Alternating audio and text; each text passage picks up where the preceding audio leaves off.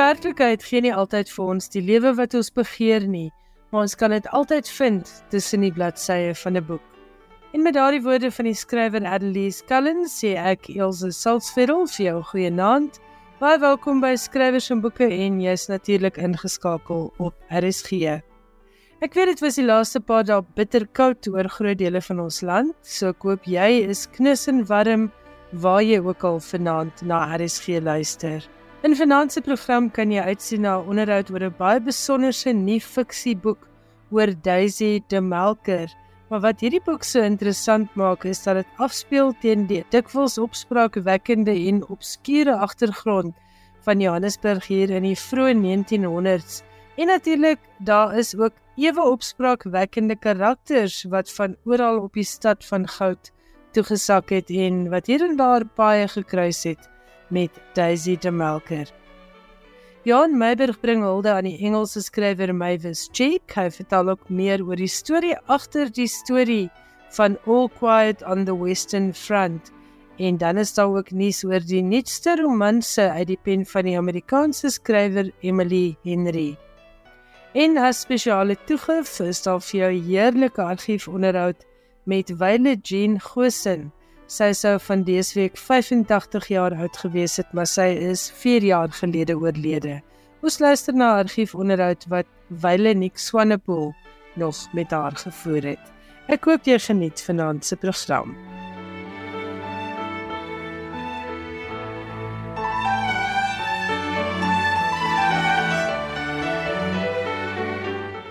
Hier is Johan Meiberg se insetsel oor Mavis Cheek die Britse skrywer wat as dit ware 'n nuwe genre geskep het.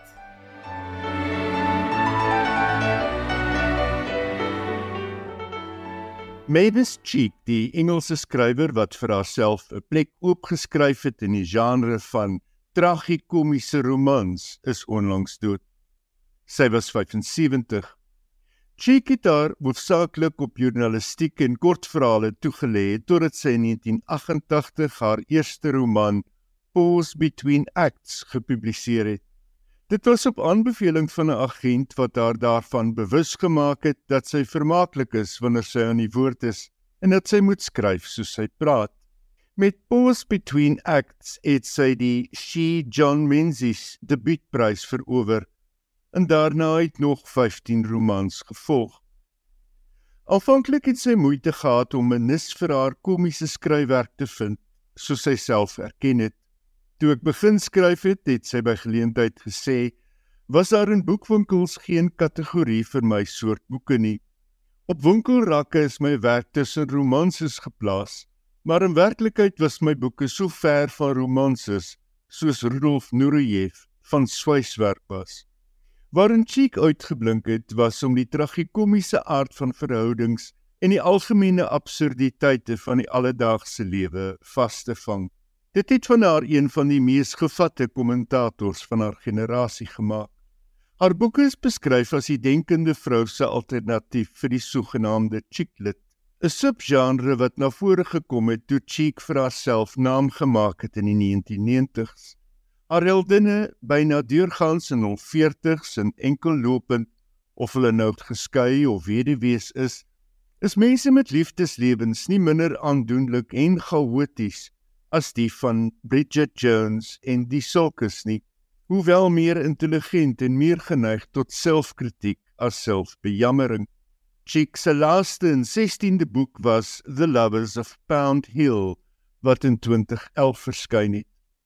Haar boeke is wyd vertaal onder meer in Duits, Spaans, Nederlands, Italiaans en Grieks. Baie dankie, Johan. Skrywers en boeke. Alles wat jy oor die boekewêreld wil weet en meer. Ted Botha is 'n Suid-Afrikaanse skrywer en joernalis wat al 7 boeke hier plaaslik en in die FSA gepubliseer het en hy is my gas vanaand hier in Skrywers en Boeke en ons praat met mekaar terwyl Ted in New York sit. Net goeienaand en baie dankie dat jy tyd maak om met my te praat. Dankie Elsa, lekker om met jou te wees. Jy het 'n fantastiese nuwe boek op die rakke, Daisy de Melker, Hiding Among Killers in the City of Gold. En dit gaan ons fokus wees vanaand want dit ontlok groot lof by lesers en resensente en ek lees baie lekker daaraan.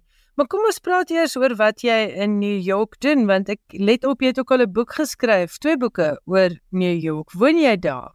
Nee, ek het ek het uh, ek was 'n joernalis hier so vir 'n lang tyd. Ek het so omtrent 20 jaar hier so gebly, maar ek het in 2016 teruggegaan Suid-Afrika toe.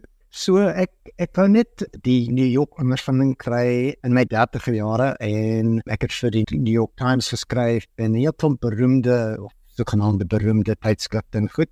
En dit was vir my 'n goeie ondervinding, maar jy weet, dit het 'n einde gehad.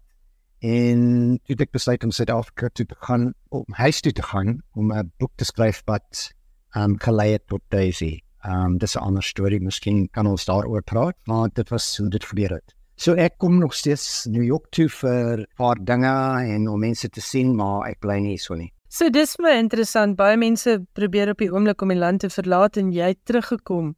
Is daar sommer net terwyl ons gesels, um miskien 'n stukkie hoop wat jy met ons kan deel oor die situasie in Suid-Afrika versus hoe, hoe dit byvoorbeeld in Amerika gaan?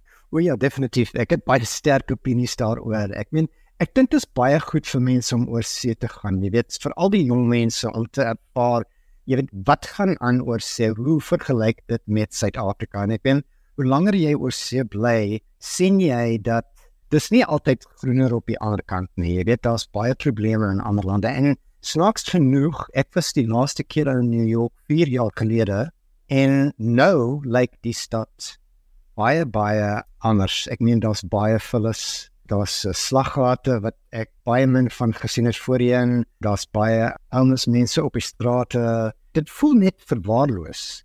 Vir my is dit eintlik goed om dit te sien want dit vergelyk 'n bietjie met Johannesburg vir my. Ek meen voorheen het ek altyd gedink as Johannesburg was 'n bietjie soos Los Angeles, maar nou sien ek Johannesburg is bietjie soos New York. Jy weet al dieselfde probleme en vir my is dit ook 'n bietjie hoop want stede oor see hulle hulle kom terug elke keer. Jy weet New York was verwaarloos hoeveel keer voor, ehm um, jy weet van jaar en altyd teruggekom. So ek meen dit vir my vir my is dit hoop vir Johannesburg en vir Suid-Afrika ook.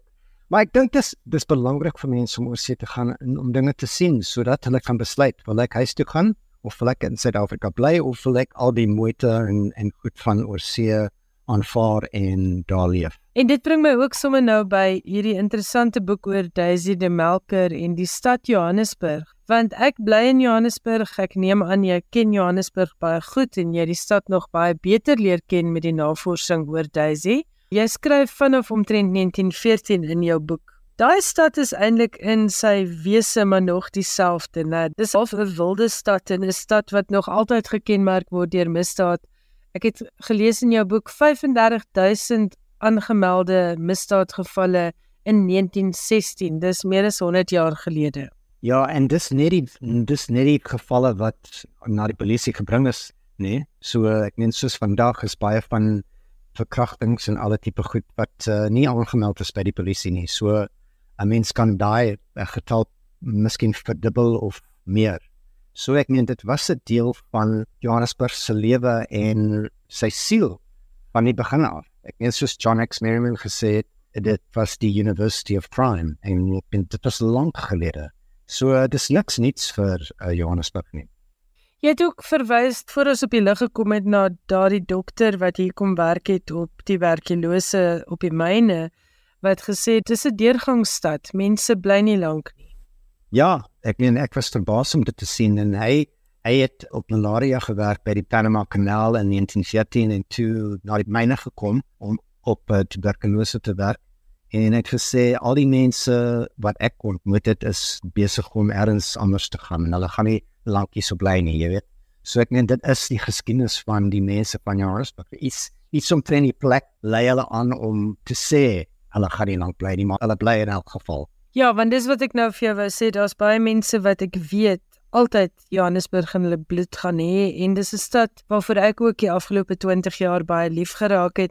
Maar vertel nou eers vir ons, hoekom het jy besluit op 'n boek oor Daisy de Melker en dan my tweede vraag aansluitend daarbey, hoekom het jy Johannesburg se geskiedenis en al hierdie baie ander bedrieërs en kansvatters en misdadigers se storie so half as die skilderdoek vir Daisy se verhaal gebruik. So die boek het eintlik begin jare gelede toe ek in New York was en ek het hierdie man ontdek Schlesinger wat flicks movies gemaak het in Johannesburg in dieselfde tyd. Hy het begin in 1913 en hy was 'n Amerikaner wat daar gewerk het en hy het assuransie maatskappy en um eiendom gedoen en 'n heel klomp geld gemaak en hy het besluit om movies te maak en dis nie 'n baie beroemde stukkie van Suid-Afrika se geskiedenis maar dit was fantasties wat hy gedoen het. Hy was 'n 'n mini Hollywood, 'n regte mini mini Hollywood want Hollywood was besig om te begin in 1913. So ek meen hy was in gelyk met Hollywood. Waar Kilani is nou was die studio wat hy gebou het. Daai hele area waar die golf courses en waar die is dit die M1. Ja, die M1. Ja, so al daai was deel van sy studio en hy het flieks daar gemaak. So dit was net veld en koppies en hy het oral aan 'n ander plekke gemaak, maar dit was sy sy hoofkwartiere. En toe doen ek die navorsing oor hom en hierdie ander karakters van daai tyd hulle uh, dag op in in Johannesburg en op een of ander tyd kom Daisy uit en ek het na al die karakters kyk en gedink, "Yes, like man, dis 'n heel ander storie. Dis deel van die kleurvolle Johannesburg." En baie van die karakters het ek nooit van gehoor nie. Ek meen ek het baie min van Daisy geprobeer voor ek die boek begin het. En soos baie mense het ek die naam geken, maar nie eintlik geweet wat sy gedoen het of wie sy skuldig bevind is van die moord van. So ek het net net dit was nie aspres dat ek uitgegaan het om al hierdie kriminele te vind nie, maar ek het hulle gevind en toe dog ek, "Jesus, maar dis 'n fantastiese storie om dit in te weef in Daisy se storie." Want hulle was almal daar van 1914 tot 1932 en daar was so 6 degrees of separation tussen hulle almal wat ek ook ek gevind het toe ek die navorsing gedoen het wat vir my verbaasend was. So ek meen partykeer was dit baie nou die verbintenis tussen hulle maar dit was daar en ek meen veral was dit die feit dat nie baie van hulle was wel bekend nie en dit was 'n storie wat in Johannesburg plaasgevind het en ek is baie lief en ek was al die jare lief vir Johannesburg. So dit was 'n lekker um, samesmelting van die twee Wat vir my interessant was is dat Daisy se storie het wêreldwyd opslag gemaak. Wat dink jy was die rede dat sy daai tyd al die internasionale aandag ook getrek het? Dink jy dis die wreedheid van die moorde, die feit dat sy ook nie gehuiwer het om byvoorbeeld 'n seun haar eie seun te vermoor nie?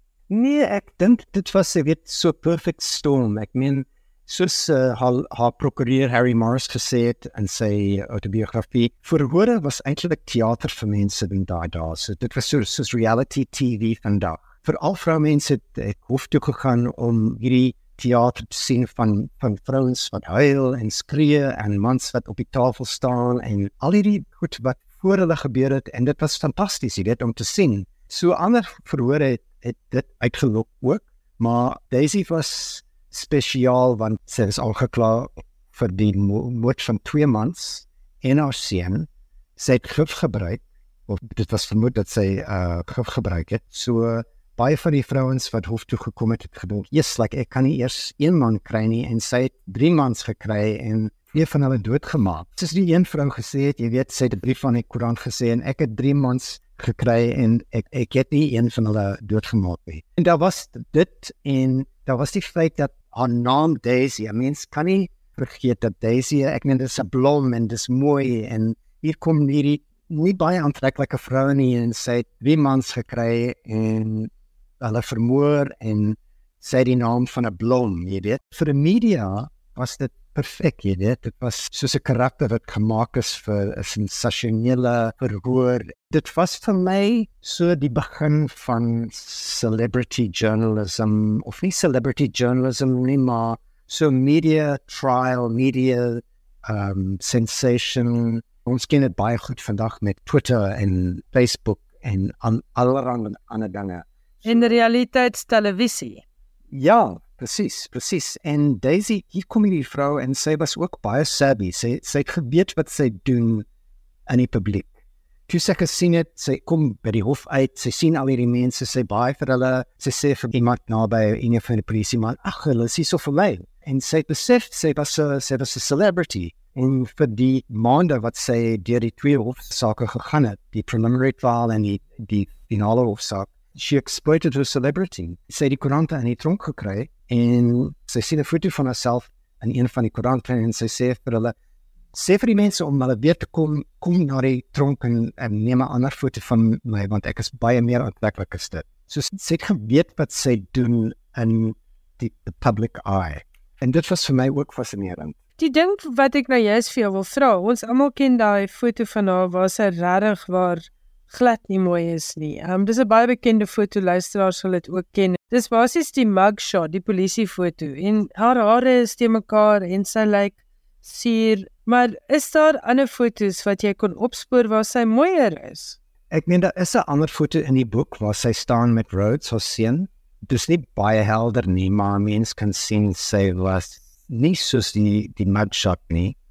Maar 'n mens moet ook onthou niemand sou weet wie Daisy was voor 1932 nie. Ek meen sy was nie 'n beroemde persoon nie en sy was beroemd vir daai maand van die van die Hooggeregshof verhoor. So ek meen dis nie soos vandag waar mense kan op die internet gaan en heel klomp goed, jy weet jy tik net die naam in en hierdie punt vir inligting kom op.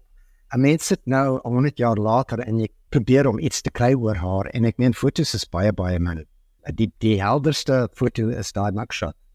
Nou wil ek by jou weet, wat was die verrassendste ding wat jy oor haar uitgevind het tydens jou navorsing? Jy sê nou jy het baie van haar geweet nie, maar was daar iets wat jou regtig waar jou asem weggeslaan het? Wel, mens moet nie te veel weg weg hier nie. Ek kan nie sê dat daar was een ding wat my ver, verbaas het nie. Ek meen die karakters om haar wat ek in die boek gesit het, ek meen hulle het my baie verbaas gereeld en daar was een Andrew Gibson, hy was so 'n Britse krimineel, um, sy hele lewe lank en 'n baie gawe ou, um, sy prokureur wat ook Daisy se prokureur was. Um dis die een ding van 6 degrees of separation. So hy was voor Daisy maar hy het dieselfde prokureur gehad en elke keer wanneer die storie so bietjie afgesak het, het, het Andrew Gibson uitgekom, jy weet, hy het uit die tronk gekom en 'n ander misdaad gepleeg en toe sy weer in die spotlight en dan gaan hy weer tronk toe en dan kom hy weer uit.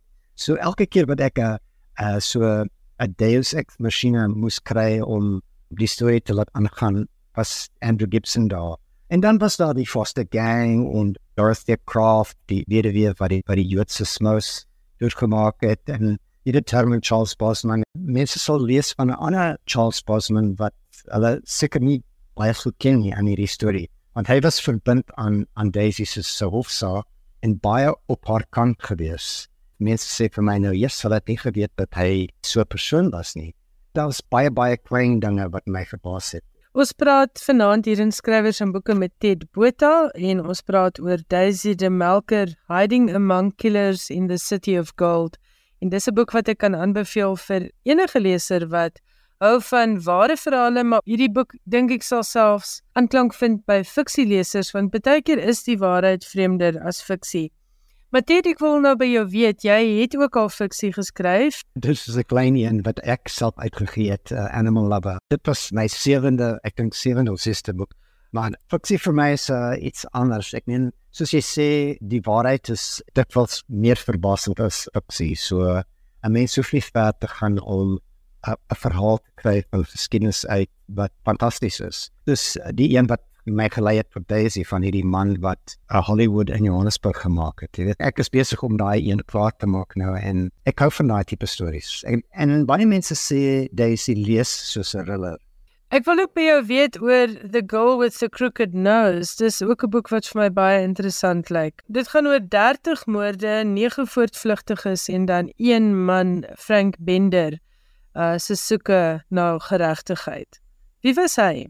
Hy was 'n forensiese beeldhouer. Ek meen dis 'n snaakse konsep. Ek het niks van forensiese werk geweet, maar iemand het my gesê hierdie ou se boek werk en ek het baie onderhoude met hom gedoen. Hy's hy's dood nou. Hy het die die skedels gekry van of die polisie of die FBI en die hulle het geweet dat die persoon vermoor is, maar hulle het nie geweet wie die persoon is. So hulle het of 'n uh, skedel of of die um the skeleton gekry van die persoon en hy het 'n beeld uh die die klei gebruik uh, om 'n beeld te maak van die mens se gesig. Maybe I should go into English once. So when it comes to medical terms, I'm like a little bit confused. But he would get skulls from the police or the, uh, the FBI, and he would sculpt a skull. He would physically use clay to take onto the skull, and he would use little tissue uh, markers to see where you know where the cheek is and where the chin is, and elke elke persoon het 'n ander um, gesig afhangende van die skedel um, onder dit. So he would use that and he would then make this face and then they would put um, uh, eyelashes on and, and other type of goed. And if they wore glass, he would think if they maybe wear wool glasses and uh, try and decide what hair to use. And then they would put a picture up. Nou die polisie gebruik daai om te probeer vind wie die persoon is. Dit het gelei tot fantastiese stories van hierdie mense en die die manier waarop iemand daai foto gesien het.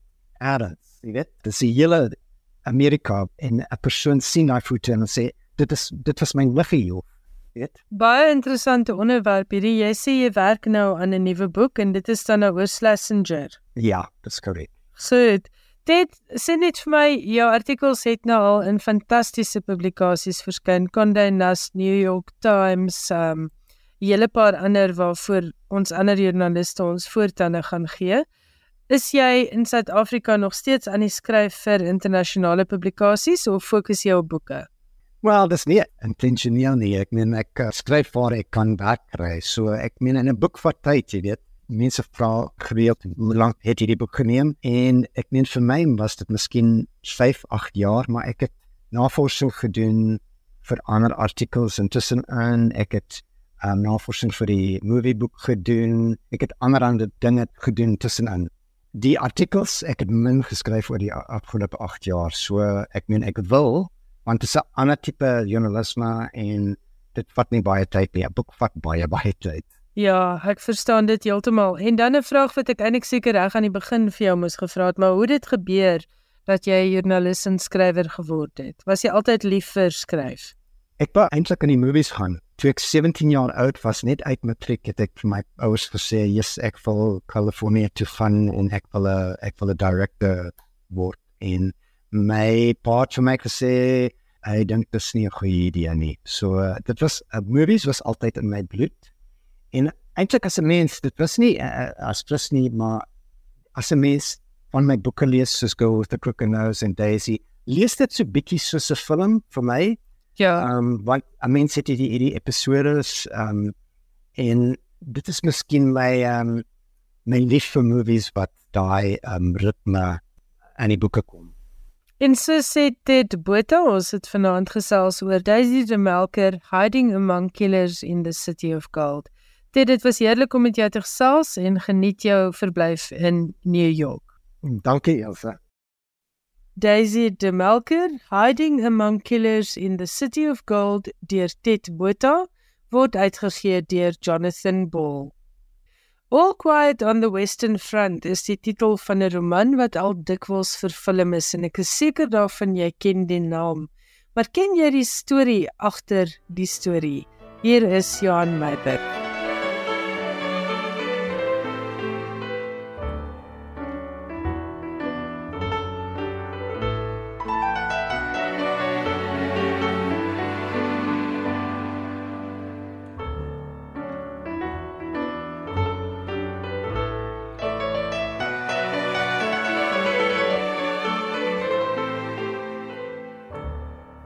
Die 125ste herdenking van die geboortedag van die Duitse skrywer Erich Maria Remarque word op 22 Junie gevier.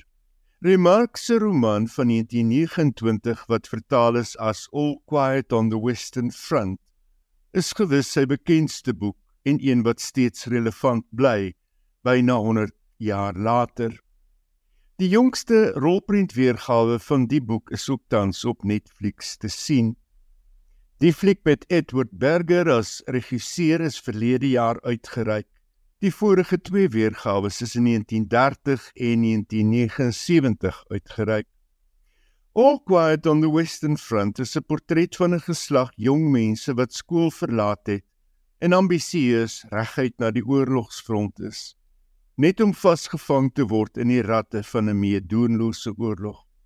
Die aanbreek van die 20ste eeu is gekenmerk deur ingrypende veranderinge in heelwat onsekerheid. Tegniese vooruitgang was die wagwoord met fabrieke wat opgeskiet het, al meer motors wat te sien was en daarmee saam wetenskaplike ontdekkings. Die patriargale samelewing het krake begin toon en vroue het opregte aanspraak gemaak. In hierdie veranderende tyd was daar mense, dalk veral mans, wat gemeen het oorlog kon 'n suiwering wees wat al hierdie verandering sou verlangsaam. Die uitbreek van die oorlog in die somer van 1914 is hoopvol benader en die gedagte was dat die oorlog teen Kersfees iets van die verlede sou wees, wat nie die geval was nie. Remarque was 16 toe hy opgeroep is vir krygsdiens Hy skoor daarna gewond en verpleeg in 'n siekeboeg. En dit is waar hy geluister het na die stories wat gewonde soldate vertel het. Hy het aantekeninge bygehou en dit later gebruik vir sy roman. Die roman het in 1929 verskyn en goue baken in die Duitse letterkunde geword. Reg oor die wêreld is die boek aangeprys as 'n pleidooi teen oorlog en die vernietiging wat oorlog teweegbring. In Duitsland was daar egter mense wat gemeen het die roman onteer die gedagtenis van soldate wat in die oorlog geveg het. En met die opkoms van nasionaal-sosialisme in Duitsland is die boek in 1933 verbied en is eksemplare in die openbaar aan die brand gesteek. Remarque het betyds na Switserland uitgewyk waar hy in 1970 dood is. Skrywers en boeke elke woensdag aand tussen 8 en 9. Alle Afrikaanse boekliefhebbers ken waarskynlik die naam Jean Gosen. Daarvoor het haar boeke Ons is nie almal so nie en later jare se 'n poppel vir my darling wat ook vir film is gesorg. Jean was nie net 'n baie talentvolle skrywer, digter en joernalis nie, maar ook een van daardie mense wat 'n ding so kon sê dat jy of hardop lag of diep daaroor nadink. En natuurlik was daar 'n hele paar mense wat ook vaak kwaad geword het. Die skrywer Ampie Kutse het haar eenmaal beskryf as almal se geliefde rebel. Hier is 'n geredigeerde weergawe van 'n onderhoud wat Wyle Nick Swanepoel in 1995 met Jean gevoer het. Ek hoop jy geniet dit.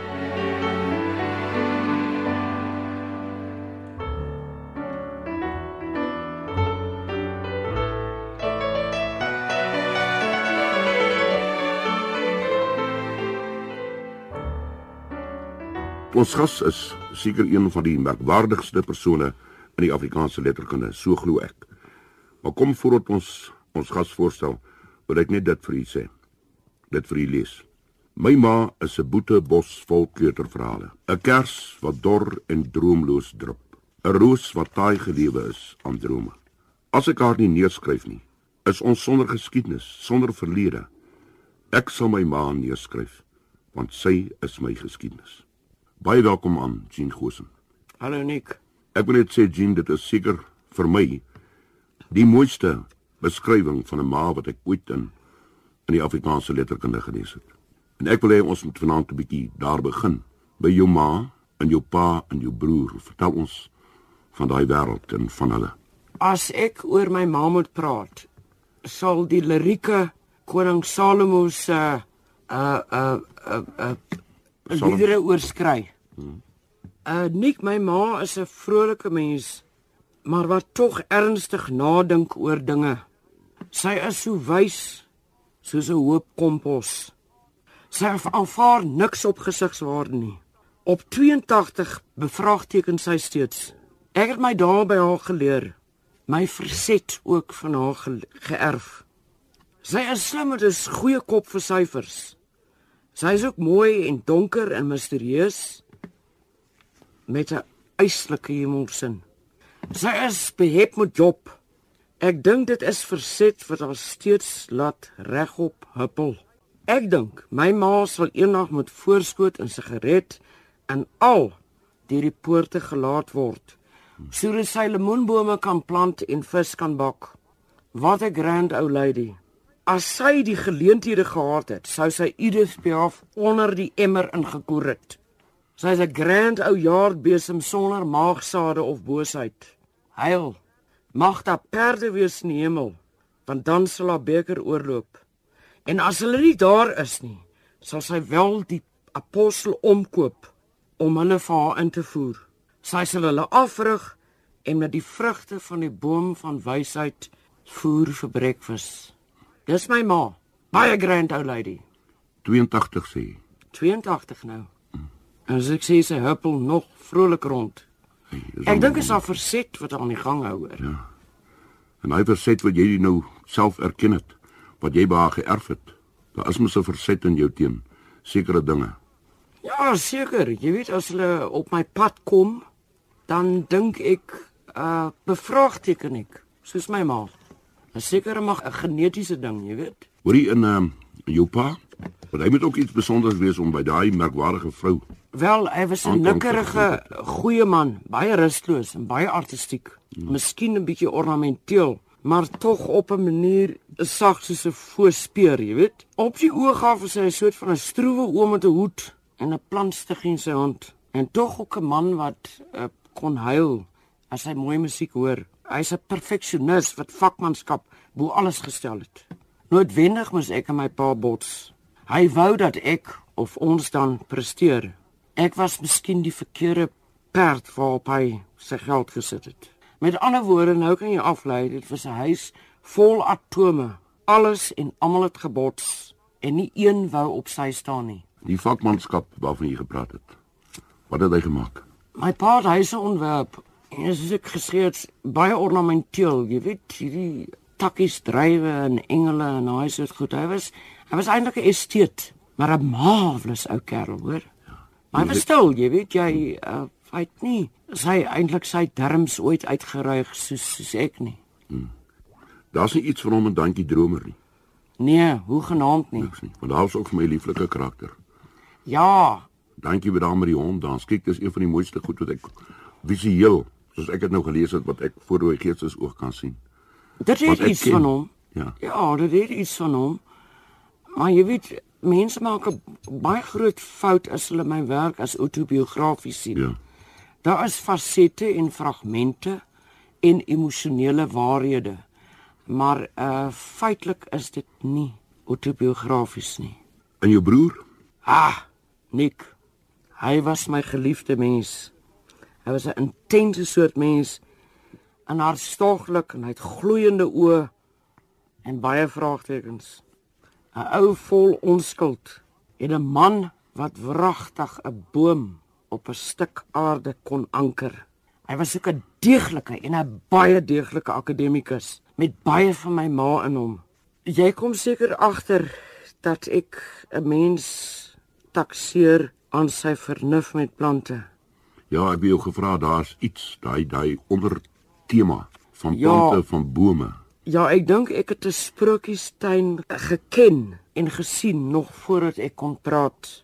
Dit sal my altyd bybly, my mense en hulle tuine. Ek dink nogal, jy weet, eh, as iemand wat nie eiendom besit nie en oral huur, ek dink ek vervraai die wêreld agter my met plante. Is baie sterk in die familie in. Ek wil weet waar jy geleer lees het. Kan jy onthou?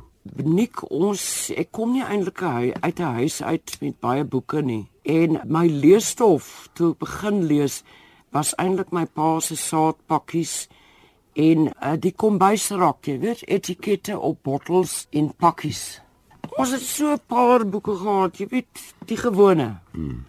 my pa se ou Hollandse katekisasieboek ek sien die ou het nogal jy weet baie goed goed gevaar in die kerk En uh ons het een boek eintlik gehad Jane Eyre wat my nogal baie beteken het. En dan goed wat die mormone gelos het daar, jy weet ons is ook maar soos vandag nog nie lastige geval nie, maar uh, besoek deur mormone en wagtorings hulle en hulle traktaatjies en leesstof daar gelaat. En uh dit was my leesstof, maar ek het nie eintlik groot geword met in 'n huis met baie leesstof nie. Dit was 'n baie 'n visuele opset. Die tuin en uh my pa se plante en goed. Ek kon baie goed daarin lees. Wie as ek nou sommer teruggaan, dit is daar in die 70, laat 70er jare. Waar ons mekaar die eerste keer gekry het daar in ou uit sy huis in Commissionerstraat. Uh wat was daai digbundel van jou? Was dit 'n digbundel? Ja. Nee, Jan, nik, ek weet nie, gedigte is so iets van my verre verlede. Dis seker maar of 'n uh, ou vlieg weg of orrelpunte. Ou vlieg. Ek is ook maar bly die ou bly die goed het gesterf hier. Jean, wanneer jy begin skryf? Ag man, alle mense skryf van hierso vandat hulle begin skryf, jy weet. Hmm.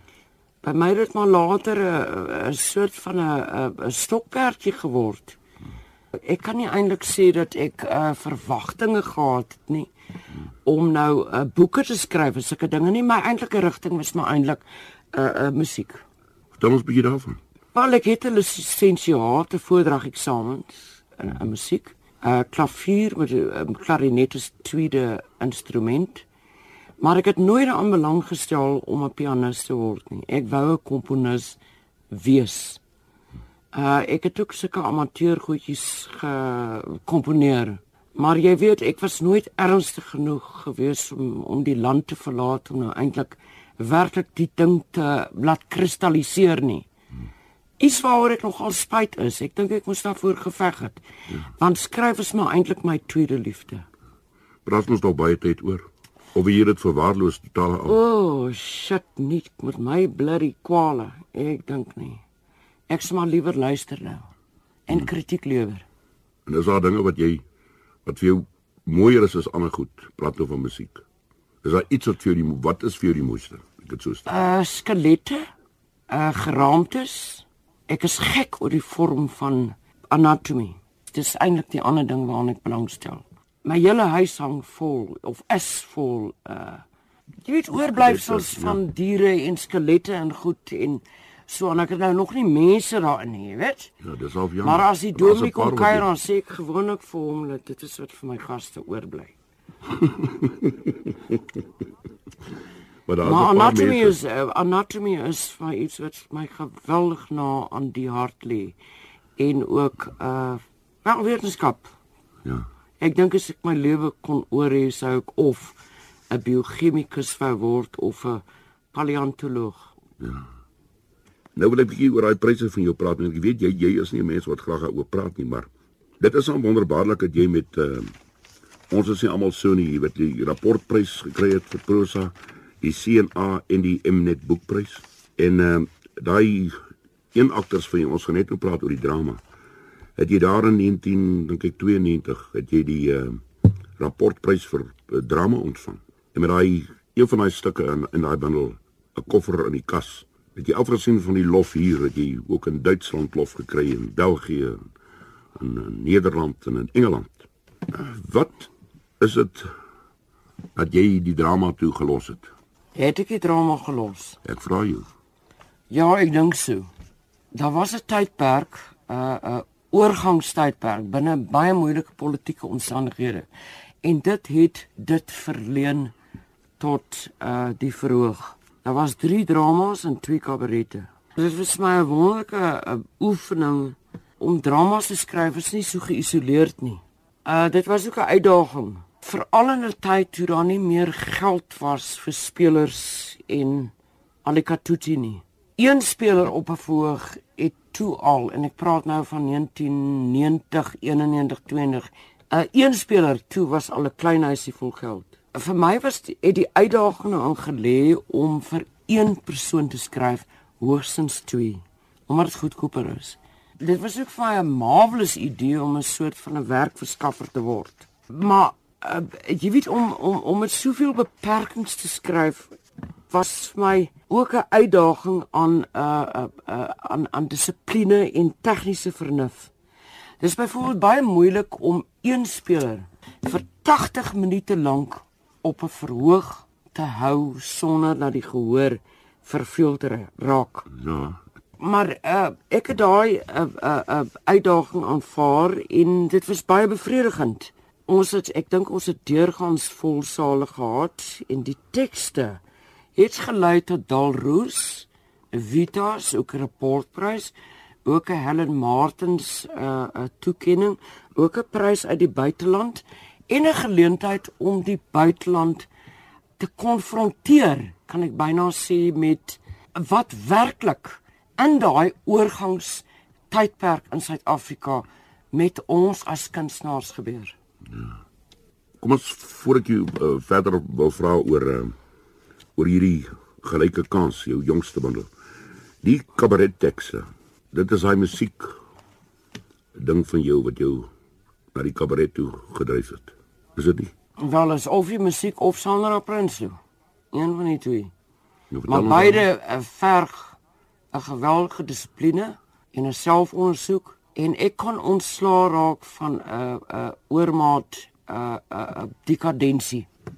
Ek het geniet want dit was baie subversief en dit is tog after all wat wat wat kabaret is. Maar in hierdie bundel van jou jou jongste bundel wat baie mooi uitgegee is deur iemand in Rousseau in 'n bundel wat vir my aangrypend mooi is. Is daar um, kortverhale en ses kabaret tekste. Hè? Dit vertel van die erns en die humor in ons lewe. En so vervlug jy die ding dat daar is die alledaagse droefheid van elke mens, né? In die deurmekaarheid van die lewe of dan van as individu. Maar wat my so getref het is daai aanvanklik vir die leser, daai daai mooi onskuldige stories, daai alwe sprokies wat so ontstellend word.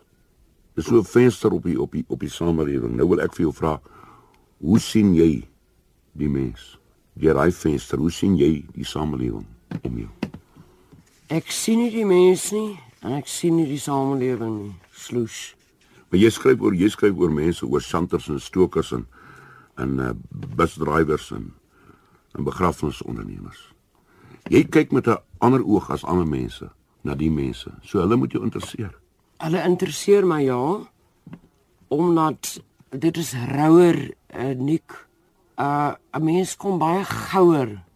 Is 'n soort van 'n kort pad om by die murgbene van die lewe self uit te kom. My pa was taamlik snobisties, jy weet. Ek is baie baie 'n uh, uh, pak gegee omdat ek by plekke ingekruip het waar ek nie moes nie. Waar jou pa al- gedink het ja, dit, Ja. jy hoort nie daar nie. Ja. Ek het baie geleer daar. Maar ook daaraan is daar 'n beperking. Jy weet ek dink ek sal nou maar terugkeer as ek weer skryf na uh die meer uh, lou-oon tipe ding. Hmm. Maar ideologies was dit vir my geweldig belangrik om twee boeke van my hart af te kry. Uh ons is nie almal so nie en 'n daantjie dromer wat miskien beskou kan word as gewilde style weens die toeganklikheid daarvan. Maar dit het ook sy beperkings en ek dink dit is nou ook verby. So deur uh, jou verhale het ek iets agtergekom en ek wil jou pertinent vanaand vra.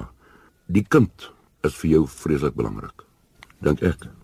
Ja, Wie bietjie daaroor praat. ek weet nie hoe nie nik. Die kind is net belangrik. Jy weet ek dink die kind ervaar in sy fantasie en erotiese wêreld dinge wat uh later jy weet 'n taboe word. Ons word so almal in 'n soort van 'n 'n vooringestoot en uh jy weet die dinge van 'n kind word uh beskou as net 'n groeiproses. Dit is nie. Ek dink dit beïnvloed die res van mense lewe. En ek wou graag dit belig.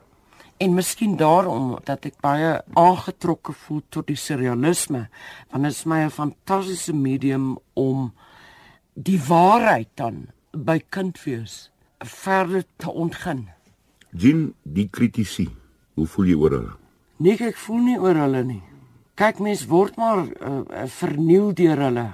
In die algemeen vind ek hulle nogal onbelese en taamlik dom. En dit verbuister my altyd sodat uh, they can display the ignorance.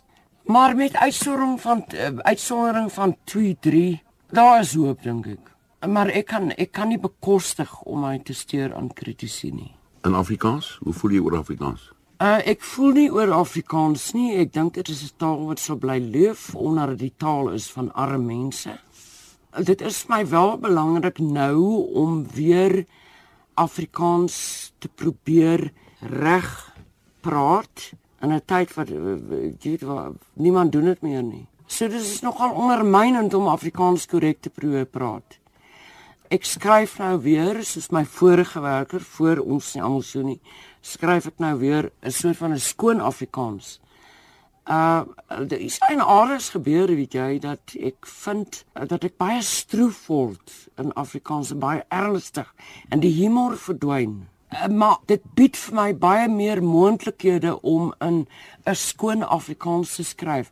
Noodwendig kom daar 'n groter veelsidigheid aan die bod en jy kan psigologies soveel uh, uh, dieper delf maar daarmee wil ek nie beweer dat die mense in ons is nie almal so nie en dankie dromer oppervlakkig is of of net uh, uh, jy weet eendimensioneel is nie. Dit is dis dis nie wat ek bedoel nie maar dit kan so gelees word. So dit is nogal vir my 'n probleem. Maar ek vind self dat uh, as ek in in in noem dit standaard Afrikaans skryf dan is dit nie meer in die eerste persoon nie, dis in die derde persoon en daar is 'n bepaalde erns wat intree wat uh, nogal my veelsidigheid as skepne uh, persoon benadeel. Nou dit is iets tegnies weer, né? Nee? Soos die drama storie ook was. Dit was maar iets tegnies, 'n probleem wat ek moet oorkom. En dit is nou ook so. Maar Afrikaans is vir my stroef. Ek weet nie of dit die mentaliteit is wat Afrikaans in hom ingebed het nie. Ek weet nie, maar ek voel nie ontuis in Afrikaans nie allermins. Ek voel nie dat uh daar's 'n baie belangrike komponent wat onmiddellik verdwyn en dit is humor. Jy het uh vroeër vanaand vir my gesê en dit was vir my ontstellende 'n ding wat jy gesê het. Jy het gesê Jean Gosen gaan nie meer skryf nie. Wel, jy weet nik ek het uh na myself in die spieël gekyk, letterlik hoor. En ek dink nie dat ek my hele lewe lank net wil sit en stories skryf nie. Nou wat doen jy man? Wel, kyk hoe lyk ek, nee? Ek moet my grasperk sny met 'n kombuisker en as my gaste in die winter kom kuier, moet ek komberse uitdeel want ek het nie 'n verwarmer nie. En dit lyk vir my as ek aanhou skryf as 'n microwave byvoorbeeld, jy weet, dit is my net nie beskore nie. Ek weet nie wat is so waffers daaraan of romanties daaraan om jouself 'n skrywer te noem. Dit is harde werk in die eerste plek. Jy speel skaak met jou lyf en jy beklei gedurig teen die monster van gemiddeldheid. My ma het gesê, eh, goed sy het my aangemoedig om 'n skrywer te word, maar sy het dan wragtig gedink dat ek eendag soos Barbara Cartland ook jy weet met met 'n pil sal sit en en en en tafsy Jy weet so ons het vir aandete. Daar's baie in daai soort ironiese opmerking. Ek dink ek sal van beroep verander. Ek wil graag iets skoons nou doen. Miskien weer die sirkus. Of as dit nie uitwerk nie, want sirkusse kry ook swaar in die nuwe Suid-Afrika, sal ek miskien ek eh, weet iets met plante doen wil hê. Jy weet ek kan 'n raadgewer wees vir plante. Ja. Hoe oor die druk hoe meer neem mense hulle toevlug tot tot die natuur. En ek dink ek kan daai help. Nou miskien kan ek so my lewe maak, maar skryf ek dink nie uh, ek dink ek moet nou ophou daarmee.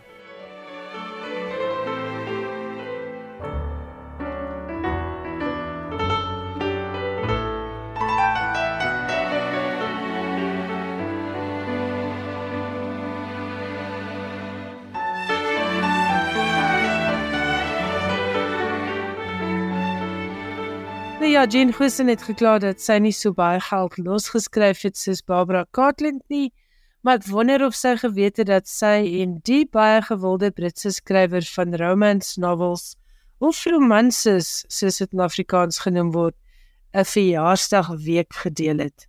Jy het geluister na argiefonderhoud waarin Jean Gussen in 1995 met Nick Swanepoel gesels het. En hulle het gepraat oor haar lewe en skryfwerk en gelukkig vir ons het sy toe wel na 1995 nog heelwat geskryf. Van Barbara Cartland en romanses gepraat. Liefdesverhale was dekades lank die stiefkind van die boekewêreld. Al is dit waarskynlik nog al die jare die topverkoper genre. Barbara Cartland byvoorbeeld het in haar loopbaan oor 76 jaar 728 romance novels of romanses gepubliseer en 'n fortuin daaruit gemaak. Johan het nou 'n vrose insetsel oor die nuwe geslag romanse skrywers. Hy praat oor die Amerikaanse skrywer Emily Henry se jongste romanse. Daarna kan jy ook luister na 'n greep uit 'n onderhoud waarin Henry self oor hierdie genre gesels. Die Amerikaanse skrywer Emily Henry was met al vier die romanses wat sy geskryf het op New York Times se topverkoperlyste. Sy het in 2020 gedebuteer met Beach Read. Die volgende jaar het People We Meet on Vacation gevolg. Verlede jaar Book Lovers en vanjaar Happy Place. Happy Place is die verhaal van Harriet en Win, 'n egpaar wat mekaar in hul studente dae ontmoet het en gereken word as die ideale paar. Totdat hulle 6 maande gelede hul verhouding verbreek het en nie vir een van hulle beste vriende iets daarvan gesê het nie. Daarby gaan hulle op 'n week lange vakansie saam met goeie vriende wat 'n week van voorgee word. Emily Henry se Happy Place word uitgegee deur Penguin Random House. Hier is Emily Henry aan die woord oor romanses en die plek wat sy meen dit inneem in die wêreld van skryfwerk. Like we were saying, it's like one of the big misconceptions about the genre.